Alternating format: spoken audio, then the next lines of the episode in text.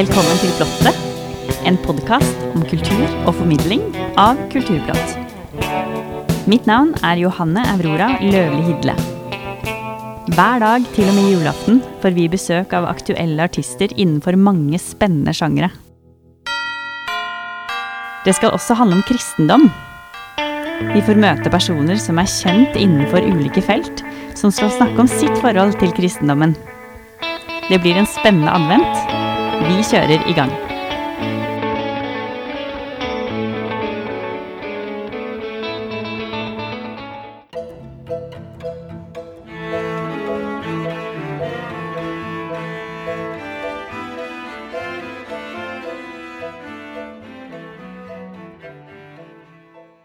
I dag har vi besøk av hardingfellesspiller og komponist Anne Hytta. Velkommen. Takk for det. Du er aktuell med singelen 'Villfar', som er en del av albumet 'Brigde', som begge kommer på nyåret. Kan du fortelle om hvordan du har jobbet med denne låten, 'Villfar'? Med den låten så har jeg eh, Villfar, det er eh, navnet på en eh, person i en gammel ballade. Og som navnet tilsier, så, så er han litt på leiting, kan man si. Og jeg bruker eh, inspirasjon fra en eh, ballademelodi, og så kobler jeg det sammen med noen rytmiske særtrekk fra hardingfeletradisjonen. Og så har jeg blanda de her elementene i et uh, orkesteruttrykk for uh, en besetning fra Telemark Kammerorkester. Så den eh, singelen og plata er et møte mellom eh, gamle folkemusikktradisjoner og klassisk eh, strykeensemble. Hvor er det du har hentet inspirasjon til selve albumet fra? Jeg kan vel eh, si at det handler veldig mye om den bakgrunnen jeg kommer fra, som er eh, felespeltradisjonen fra Telemark. Som er en veldig eh, rik og Hva skal jeg si En veldig Ja, en, en rik tradisjon både på antall stykker, det er størrelsen på repertoaret, men også et veldig sånn sammensatt eh, uttrykk med mange elementer som, som, det er spennende å prøve å bruke i et uh, orkesteruttrykk. Hva er det som er instrumentbesetningen på plata? Det er jo da strykeensemble, så det er, det er, fire fioliner, og så er det to bratsjer og to celloer og en kontrabass. Så er det jo meg på hardingfele, og så er det en vibrafonist i tillegg. Ja. Hva er det med folkemusikk som inspirerer deg? Det er nesten litt vanskelig å si, fordi folkemusikken er på en måte mitt morsmål. Det er den jeg jobber ut ifra. Så jeg, jeg, jeg ser ikke folkemusikken som det, Ja, det er, det er mitt morsmål, eh, rett og slett. Og det som jeg tror på en måte trakk meg veldig mot folkemusikken i barndommen, uten at jeg kunne sette ord på det den gangen, det var nok eh, noe med eh, hva skal jeg si elastisiteten. Man forestiller seg tradisjon og tradisjonell folkemusikk som noe litt sånn um, satt, og noe som er ferdig forma. Kanskje noen tenker på det som litt stivt, men det er akkurat det motsatte som trakk meg veldig til musikken. da den smidigheten i uttrykket, alle mulighetene du har for å forme musikken på egen hånd. Eh, og alle de små elementene, de små detaljene i eh, sånne ornamentikkfigurer. Små sånne sveiver ut ifra melodien. De tinga har alltid trukket meg veldig til eh, felespillet og folkemusikken. Hva har vært ditt musikalske høydepunkt i år? Ja, kanskje Altså, jeg har jo spilt uh, den musikken uh, som kommer ut, Brigde, på uh, noe som heter Hilmestemmene i sommer. Og det var veldig stort å få framføre det med de musikerne som som jeg har jobba mye med. Men én ting som er et, et, veldig lite uttrykk, men som jeg eh, syns er helt eh, suverent, det er det å spille til dans. Når det er eh, et stappfullt lokale av skikkelig gode dansere, eh, og nybegynnere, eh, gamle og unge, folk som danser uh, aleine og vimer rundt, og folk som danser i par og er bare uh, hengitt til hverandre i et sånn tett, lite lokale i et gammelt uh, trehus, og det omtrent damper fra veggene fordi det er så fullt og så varmt. Jeg tror jeg må nesten si at det var høydepunktet. Ja, så fint. Hva ser du frem til av musikalske planer til neste år? Jeg gleder meg veldig, eh, og er veldig spent på å gi ut det albumet som kommer med Telemark Kammerorkester, som da heter Brigde. Mm. Det betyr veldig mye for meg fordi er, jeg rett og slett har skrevet eh, musikken for et større ensemble. Og det har jo selvfølgelig vært et veldig stort arbeid.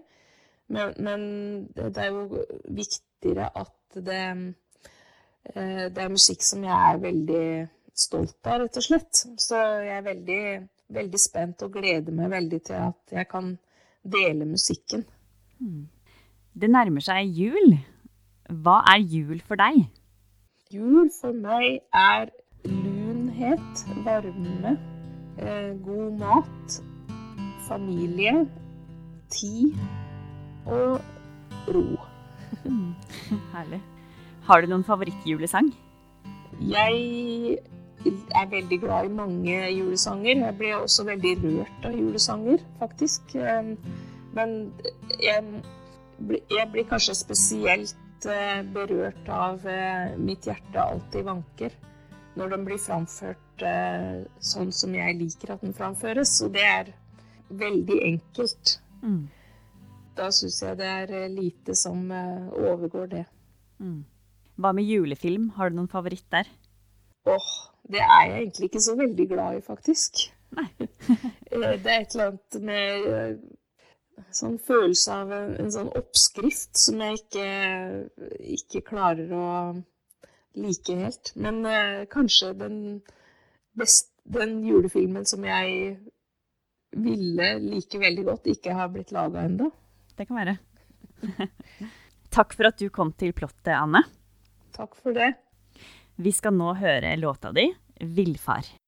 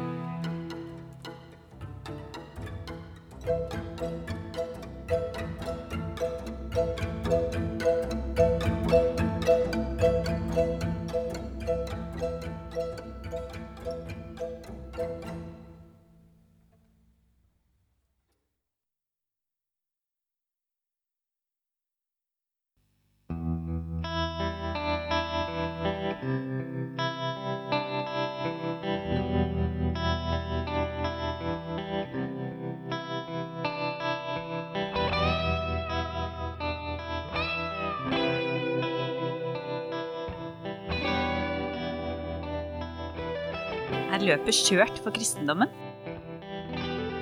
Vi har intervjuet 24 personer som drøfter kristendommens status per i dag denne julen. I dag er det prest og forfatter Elisabeth Thorsen.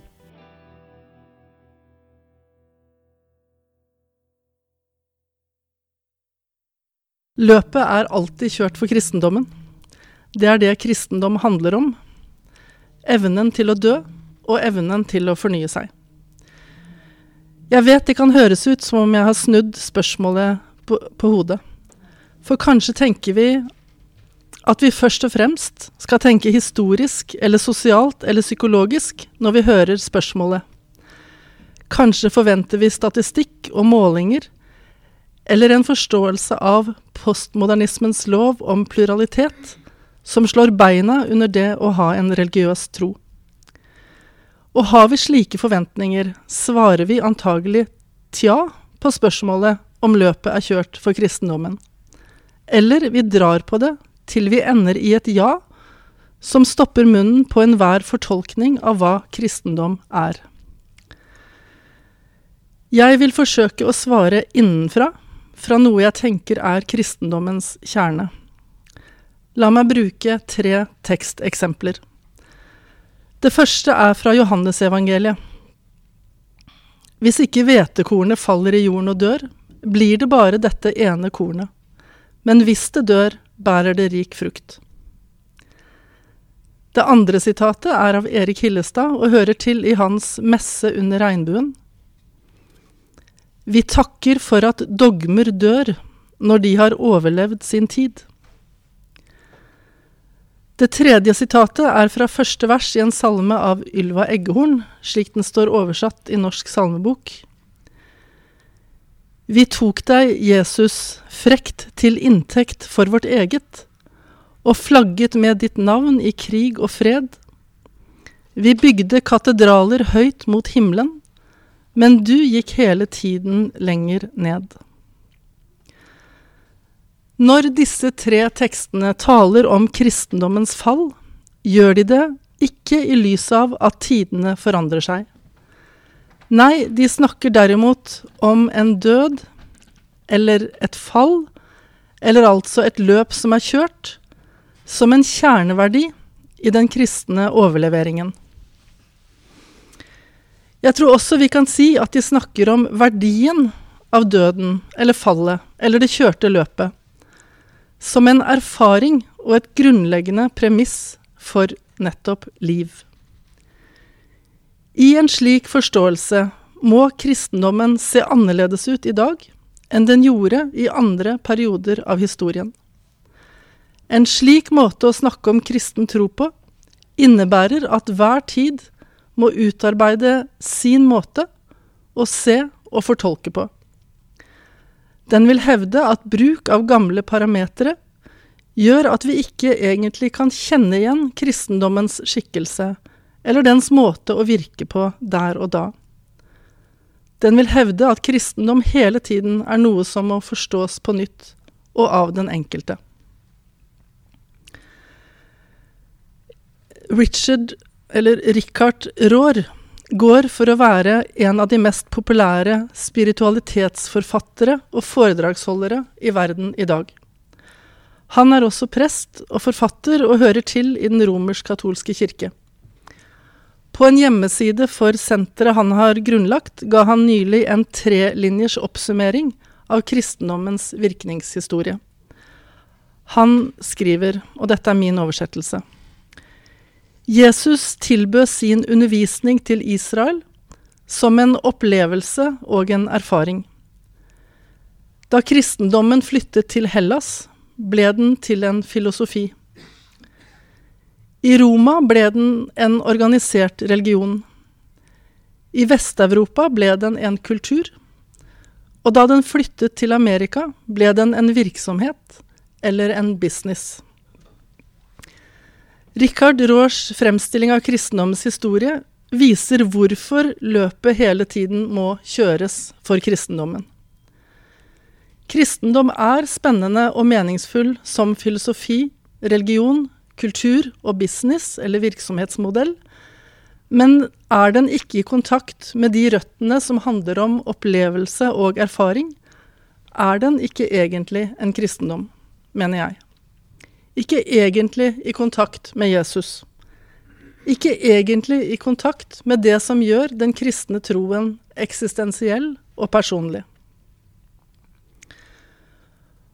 Å la opplevelse og erfaring møte den jødiske tradisjon, slik Jesus gjorde, var hele tiden å la fortellingene og forestillingene kjøre løpet mot enkeltmenneskers livsbetingelser, lengsler og behov.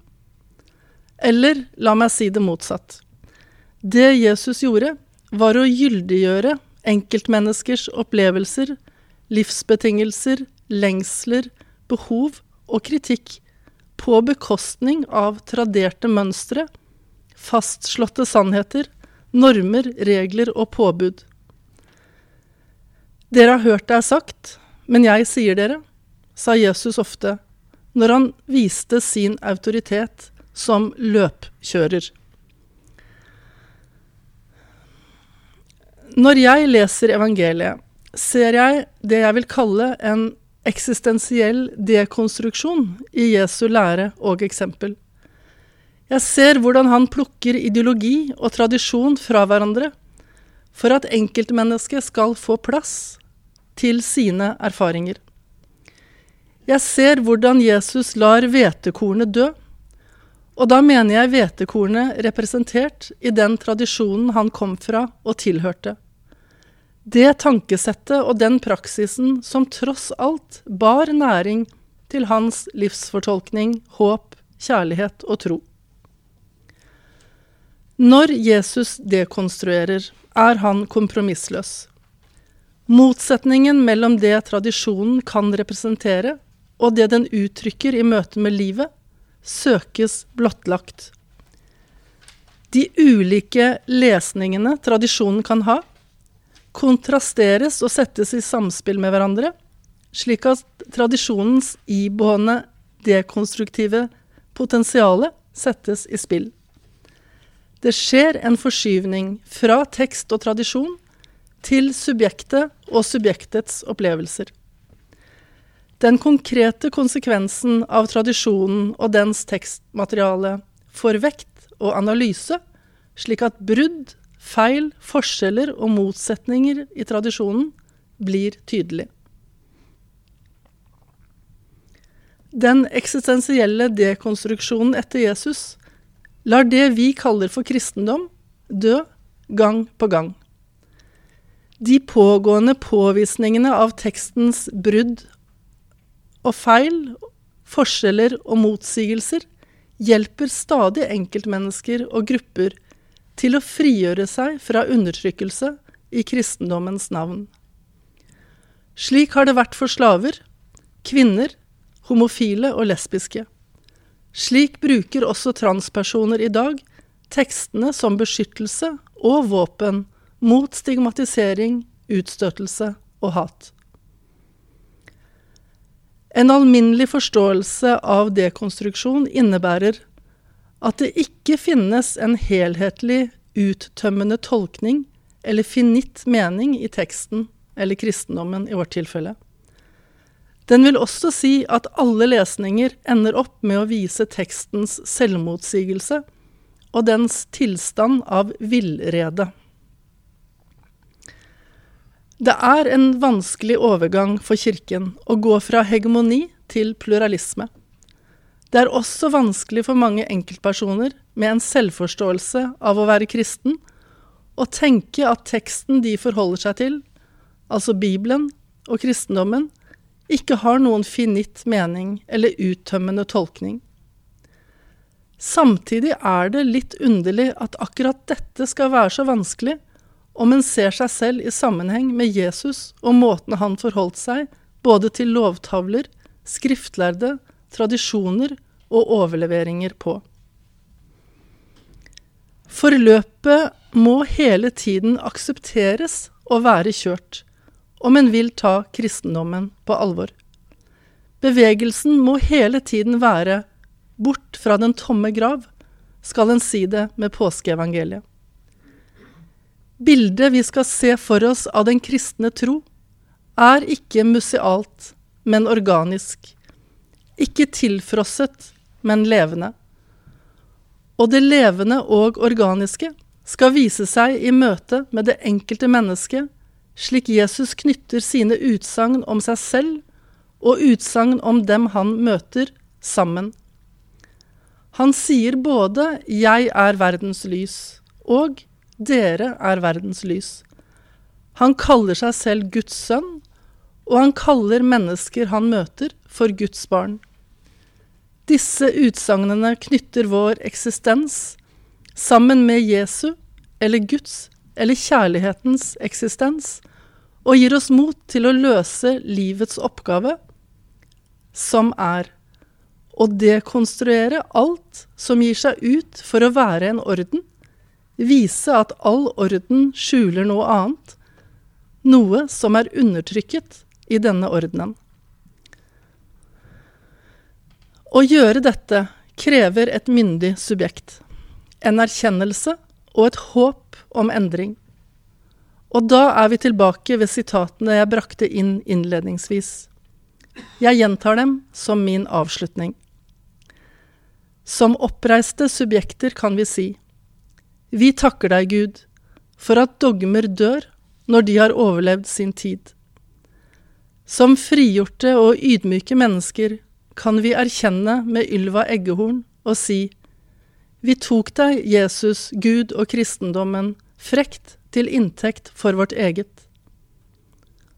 Og håpet, håpet som vi ikke kan leve uten, kan vi uttrykke med evangeliets mystiske ord og si Hvis ikke hvetekornet faller i jorden og dør, blir det bare dette ene kornet, men hvis det dør, bærer det rik frukt. Det er komplekst, og det er sammensatt, men løpet er alltid kjørt for kristendommen. Det er det kristendom handler om. Evnen til å dø. Evnen til å fornye seg.